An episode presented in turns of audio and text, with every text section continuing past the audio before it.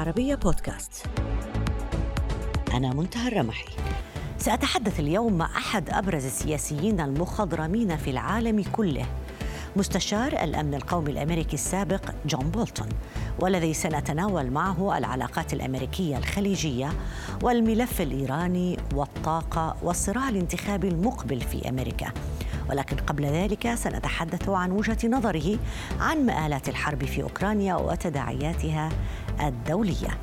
عمل ضيفنا البارز اليوم مع رونالد ريغان ثم الرئيسين بوش الأب والابن ثم مع دونالد ترامب. جمهوري صميم منذ سن الثامنة عشرة التي أظهر فيها نبوغه السياسي وتأثيره الكبير. الكثير مما أشرنا إليه في طريقه للتنفيذ مع القمة التي ستجمع القيادتين الأمريكية والسعودية يوم السادس عشر من الشهر المقبل. ومن ضمنها قمة أمريكية خليجية مع دول مجاورة هي العراق ومصر والأردن. فضلا عن مناقشات بشأن أمن المنطقة وأيضا ملف الطاقة. وتم التمهيد للحدث بزيارات إلى السعودية. قام بها مدير المخابرات المركزية ويليام بيرنز وصفت نتائجها بالإيجابية وفائقة الأهمية. كذلك زيارة نائب وزير الدفاع السعودي الأمير خالد بن سلمان الذي التقى كبار أركان الإدارة الأمريكية والبنتاغون وال CIA والخارجية والأمن القومي. كما كانت هناك أيضا زيارات لمسؤولين أمريكيين آخرين منهم منسق مجلس الأمن القومي الأمريكي للشرق الأوسط بريت ماكغورك ومبعوث وزارة الخارجية للطاقة عاموس هوكشتاين. وتظهر القمة أن واشنطن والرياض ما زالتا تتمتعان بمكانة محورية في حسابات الأمن والطاقة وال geopolitics في الدولتين. واللافت أن الرئيس الأمريكي جو بايدن حرص على التأكيد بأن ملف الطاقة على أهميته لن يكون هو الطاغي وأن الهدف الرئيس هو أمن المنطقة ككل لا إعادة التوازن لسوق النفط. لا سيما أن ملاحظين يقولون إن أعين واشنطن مركزة على النفط السعودي. إن لم يكن لاستهلاك سوقها المحلي فلغايات التحكم بديناميات السوق العالمية.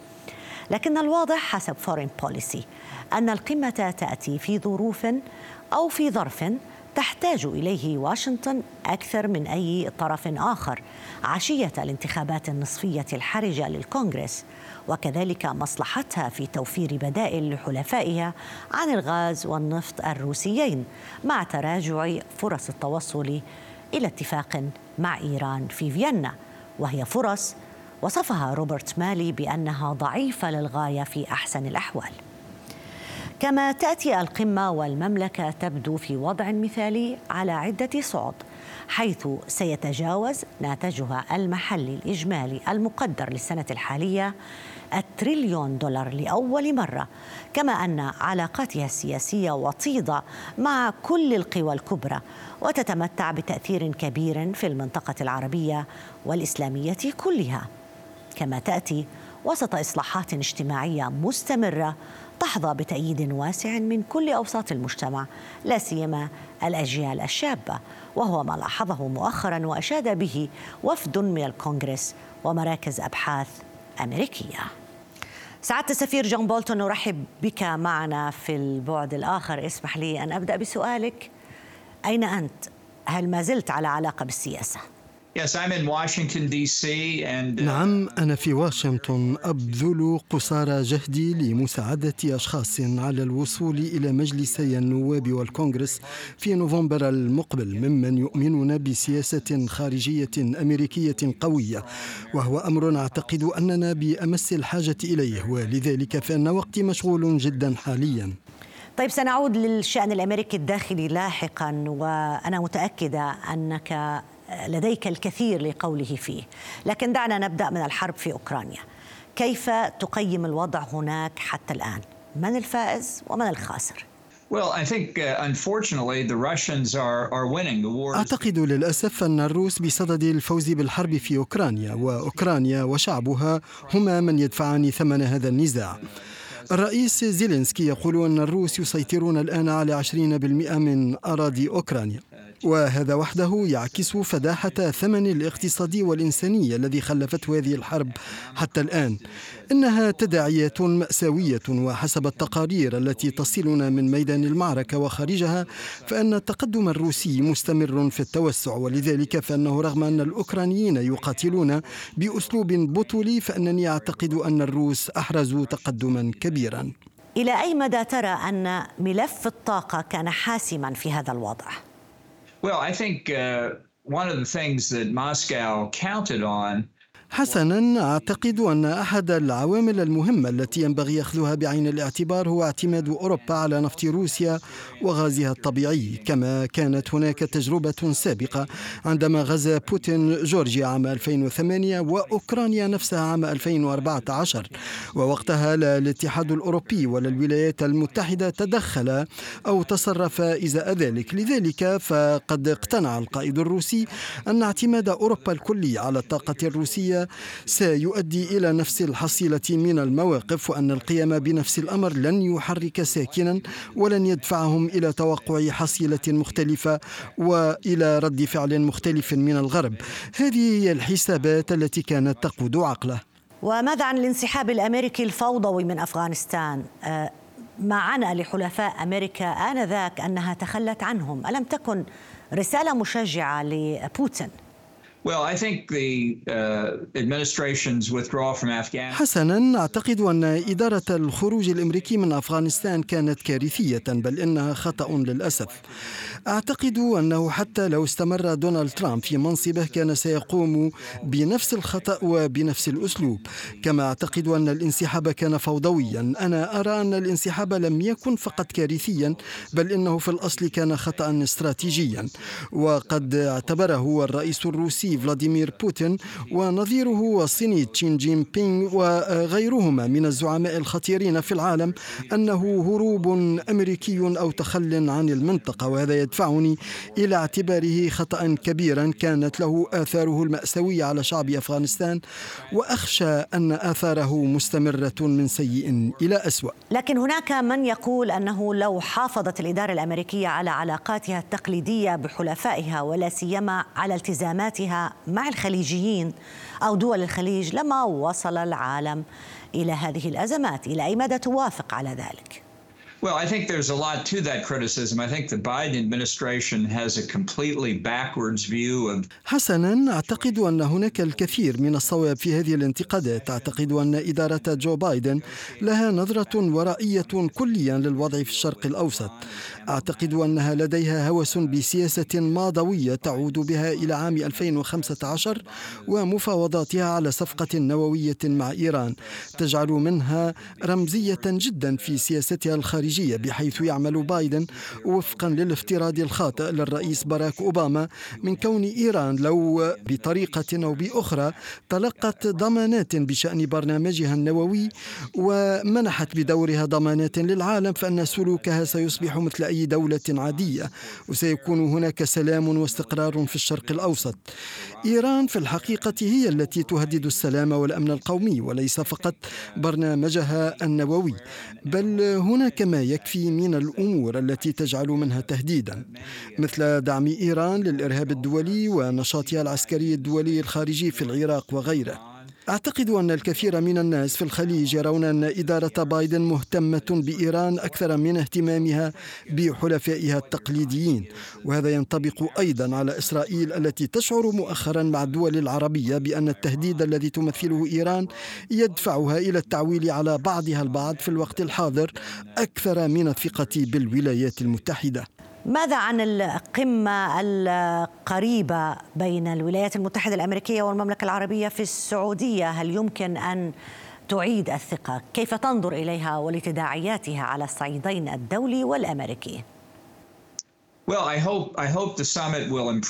آمل أن تعزز القمة من العلاقات حتى وإن كان لدي شعور بأن الرئيس بايدن سيركز فيها على معالجة مخاوفه المتعلقة بارتفاع أسعار الطاقة على الصعيد الدولي والتي كان يتعين أن يخشى عليها أكثر على تلك الأسعار قبل أن يغلق أنبوب كيستون في الولايات المتحدة عندما ألغى تراخيص الحفر وأعلن أنه يرغب بأن يركز سياسته على عالم خال من الكربون بأسرع ما يمكن.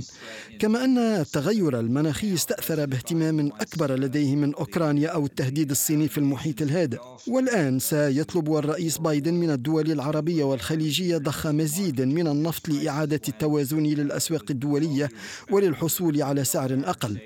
بإمكان الدول العربية أن تقول له أنها ستكون سعيدة بذلك لو أمر بذلك أيضا في الولايات المتحدة نفسها حيث أنه على الأرجح يخشى أن يكون الناس أكثر سعادة بالحصول على نفط رخيص منتج محليا وهذا ما لا يرغب به. أعتقد أنه لم يحصل على الاستشارة الجيدة بشأن هذه السياسة الخاطئة. آمل مع ذلك أن تتحسن الأمور وأن تجري جيدا في القمة رغم أن تركيزه سيكون على النفط. وأعتقد أن الأهم ينبغي أن يكون تحسين العلاقات قبل كل شيء. في فبراير الماضي قبل أيام من بدء الحرب في أوكرانيا حث الرئيس جو بايدن الأمريكيين على مغادرة أوكرانيا في غضون 48 ساعة. منذ ذلك الحين عادت الولايات المتحدة إلى هذا البلد لكن بشكل مختلف دون المخاطرة بحياة جندي واحد تعمل واشنطن وبشدة على استغلال تعاقب الأوضاع الحرجة التي تجد روسيا نفسها في خضمها لتحقيق اختراقات استراتيجية. الإبقاء على روسيا ضعيفة بصفة مستمرة. إحراج الصين وتعزيز تحالف الأطلسي بانضمام السويد وفنلندا المرتقب. فضلا عن استفادة المصدرين الأمريكيين للحبوب والأسلحة والغاز. بل إن بعض المعلقين الأمريكيين أصبحوا يروجون أن بلادهم قد ترغب في استدامة الحرب وأن النتيجة الوحيدة للصراع التي ستوافق عليها الولايات المتحدة حقا هي انتصار الجيوش الغربية واستعراضها على طريقة روما في قلب موسكو لتحقيق هدفهم المعلن الآن إضعاف روسيا أو استنزافها في الحقيقة لم تعد الولايات المتحدة تبخل بالوسائل. تسليم المزيد من الأسلحة الهجومية والأكثر تطورا إلى أوكرانيا بل وحتى المساعدة المحتملة في العمليات حسب الصحف الروسية. ناهيك عن أنه قبل ثلاثة أشهر صوت الكونغرس الأمريكي بالفعل على 54 مليار دولار لمساعدة كييف. أي ما يعادل أكثر من 80% من الميزانية العسكرية الروسية. كان بايدن يخشى في بداية الحرب من أن يؤدي القتال إلى جانب الأوكرانيين إلى حرب عالمية ثالثة تكون نووية هذه المرة قبل أن يكتشف أن الحقيقة غير ذلك وأنه من غير الخطير محاصرة روسيا وقد ظهر مستعرضا أمام موظفي لوكيد مارتن قائلا إن الأوكرانيين أصبحوا يسمون مواليدهم الجدد جافلين وجافلينا للدلالة على نجاعة الصواريخ الأمريكية التي مكن منها الجيش الأوكراني في مواجهة الجيش الروسي. في الأثناء ما زالت أوروبا ممزقة بين رئيس فرنسي ينادي بعدم إذلال روسيا ورئيسة وزراء إستونيا التي لا ترى نهاية للحرب إلا بفوز بفوز على بوتين. وفي الأثناء أيضا لا يعتبر بوتين نفسه خاسرا من جملة العقوبات وحملتها التي فرضتها الولايات المتحدة والاتحاد الأوروبي بل زادت ثقته بالقدرة على المواجهة والخروج منتصرا أو على الأقل مثبتا على نظريته من أن انتهاء سياسة القطب الواحد أصبحت وشيكة. يتوقع الرئيس الروسي تغييرات في أوروبا والوضع الراهن برأيه سيؤدي إلى تصاعد الراديكالية وفي المستقبل إلى تغيير النخب الحاكمة. وبالنسبة لبوتين ليست أوروبا إلا لاعبا ثانويا أو سيركا كما جاء في توصيفه لانتخاباتها الديمقراطية وتابعا لأمريكا التي ألزمتها فرض عقوبات على السماد الزراعي. ثم أدرك الأمريكيون أن الحصار ضار فرفعوه. أما الأوروبيون فلم يرفعوه بعد بسبب أساليبهم البيروقراطية. كيف يمكن برأيك إعادة الثقة بين واشنطن وحلفائها في المنطقة هنا؟ أخشى أن ذلك قد يكون صحيحا. أعتقد أنه لبناء الثقة يتعين أن يكون هناك اعتراف من إدارة بايدن بأن المشكلة الذي نواجهه هو إيران. المشكلة ليست السعودية المشكلة ليست الدول العربية. المشكل هو آية الله في إيران وسعيهم للحصول على سلاح نووي ودعمهم للإرهاب الدولي وتطوير أسلحة غير تقليدية. هذه هي الرؤية الموجودة لدى جل الدول العربية وهذه أيضا رؤية إسرائيل وكذلك الكثير من الدول في مختلف أنحاء العالم. لكن أمريكا تحت إدارة بايدن لا ترى الأمور على هذا النحو وهو ما خلف تشويشا لدى الكثير من الناس في الشرق الأوسط. بالحديث عن إيران كيف تقيم الوضع الداخلي هناك مع استمرار المظاهرات اليومية وغيرها؟ I think if you go back over the last year or 18 months, I think أعتقد أنه لو عدت إلى الوراء سنة أو سنة ونصفا فسترين بوضوح أن هناك دعما أقل لنظام الملال في طهران. هو الأقل منذ ثورة 79 900 وألف. أعتقد أن الحرس الثوري وبسبب نقص الدعم للنظام سيكون في مشكلة كبيرة. وأعتقد أنه لو يبدأ الحرس الثوري والجيش التقليدي بالتشظي لأنهم على معرفة دقيقة بظروف الناس على مدى أنحاء البلاد فأن النظام سيسقط على الأرجح بقليل من المساعدة الخارجية. تعرفون أنه في الغرب لا يوجد فهم كاف لكون النظام الإيراني لا يحظى بشعبية في بلاده لأن المعلقين والصحفيين الغربيين ليس بمقدورهم الدخول إلى إيران كثيرا لكنني أعتقد أن الغضب من النظام عام في مختلف أنحاء إيران. الغضب لا يهم منطقة بعينها وفئة محددة من الناس إنه الشعب كله في الحقيقة. آه، وفي هذه الأثناء نرى عمليات القتل التي تستهدف العاملين في المجال النووي الإيراني وأيضا شخصيات أخرى.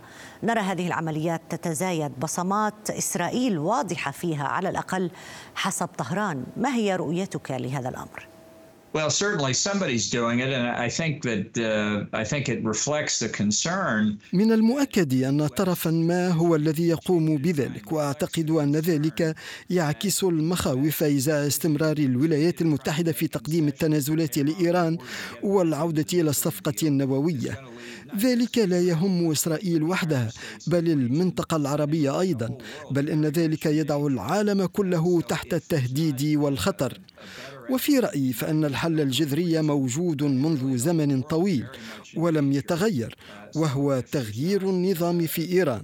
وأن يختار الشعب الإيراني حكومة تمثله حقيقة وليس حكومته الحالية وأن تتخلى عن سعيها لامتلاك سلاح نووي. هذا ما ينبغي أن نعمل عليه ولا بديل عنه. هل غيرت الحرب الأوكرانية والمستجدات الدولية من أسلوب التعامل مع إيران؟ Well, unfortunately, I don't I don't think it's caused anybody in the Biden administration to wake up. لا أعتقد أن هذه الحرب غيرت شيئا من الأفكار التي تحرك الإدارة الأمريكية الحالية. كما لا أرى أن الحكومة الإيرانية تشعر بأي ضغوط أو قلق ونحن نرى أنهم مستمرون في منع مفتشي الوكالة الدولية من دخول منشآتهم النووية ونحن نعرف من التسريبات الحديثة أنهم يحصلون مسبقا على إشعارات بالأسئلة التي ستوجه إليهم من قبل الوكالة الدولية للطاقة الذرية على الأقل بالعودة إلى بدايات سنوات الألفين. هذا مشكل مستمر بغض الطرف عن ملف أوكرانيا. أعتقد أن إيران نفسها مستمرة بنفس التهديد بما يدفع إلى تغيير مطلوب في الرؤية الأمريكية الحالية. أرى عدة تحولات واعدة في الشرق الأوسط كله. هناك اعتراف متبادل بين إسرائيل وعدد من الدول العربية بما فيها الخليجية مثل البحرين والإمارات العربية المتحدة. كما تتحدث تقارير عن دول أخرى في طريقها على الأرجح إلى الاعتراف بإسرائيل وإلى التطبيع معها للمرة الأولى. وهذا تقدم كبير. وأعتقد أن السبب في ذلك هو نظرتها المشتركة للتهديدات الحقيقية ولذلك لو نركز جميعا على التعامل مع التهديد الحقيقي وهو إيران فأعتقد أن مستقبل المنطقة سيكون إيجابيا. سيد بولتون أنت أحد أبرز السياسيين المخضرمين في العالم وعملت حتى مع الرئيس ريغان. جمهوري صميم لكن مع ذلك لك آراء مستقلة في بعض الملفات. لو سألناك بكل حيادية عن الإدارة التي بدأت كل هذا المسار الجنوني هل هي الإدارة الديمقراطية أم الإدارة الجمهورية؟ هناك جدل كبير وهناك استقطاب وهناك أيضا مراجعات داخل الحزبين. ولكنني متفائل جدا على الصعيد السياسي في أمريكا بأن أداء الحزب الجمهوري سيكون جيدا جدا في الانتخابات النصفية في الكونغرس ومجلس النواب في نوفمبر. أعتقد أنه لا ينبغي أن تكون ثقتنا زائدة ولكنني على يقين من أن الحزب الجمهوري سيحقق الأغلبية في المجلسين أي النواب والكونغرس وهو ما سيمهد الأرضية الملائمة لانتخابات 2024 الرئاسية والتي التي أنا أيضا متفائل بشأنها. لكن هناك من يرى حتى الرئيس ترامب نفسه يرى بأنه لو كان هو رئيسا للولايات المتحدة الأمريكية لما كانت القوات الروسية في مواقعها الحالية. ما رأيك؟ ليس صحيحا حتى لو أعيد انتخاب ترامب فإن القوات الروسية ستكون مسيطرة على كييف. أعتقد أنه لم يفهم التهديد الروسي. لقد كان عدائيا جدا تجاه الناتو لكن ذلك لا يعني أنني أوافق في المقابل على سياسة إدارة الرئيس بايدن في روسيا. لا أعتقد أن الأمور كانت ستكون أفضل مع الرئيس ترامب بل على العكس كانت ستكون أسوأ. أنت هاجمت ترامب في كتابك لكننا نرى الآن عودة قوية لترامب على الساحة السياسية في أمريكا ألا تعتقد أنه نتيجة الكتاب أضرت بمصداقيتك أكثر منها أساءت لترامب؟ لا لا أعتقد ذلك. لا أعتقد أن ترامب عائد لا أعتقد أنه سيراهن على بطاقة الحزب الجمهوري لانتخابات الرئاسة المقبلة. بل إن ترامب تكبد خسائر عديدة خلال الحملة الحالية للانتخابات النصفية كما أن تأثيره في الحزب الجمهوري مستمر بالتراجع وهذا ما تثبته كل استطلاعات الرأي. لذلك فإن الكثير من الناس انفضوا من حول ترامب وهذا ما ستت يتأكدون منه بمرور الوقت إذا من من الجمهوريين تراه مؤهلا لقيادة الولايات المتحدة في 2024؟ أعرف أن هناك عددا كبيرا من الشخصيات ستراهن على البطاقة الجمهورية للانتخابات الرئاسية. لن أسميهم لكن عددهم بين 15 و 16 ولكل منهم حدوده. ولكن هناك أمرا جديدا بالنسبة إلى الحزب الجمهوري وهو أنهم شباب وهو ما سيجلب اهتمام الناخبين ليس لدي مرشح مفضل على الصعيد الشخصي. ولكننا سنستفيد من الرؤى الجديدة لهؤلاء المرشحين.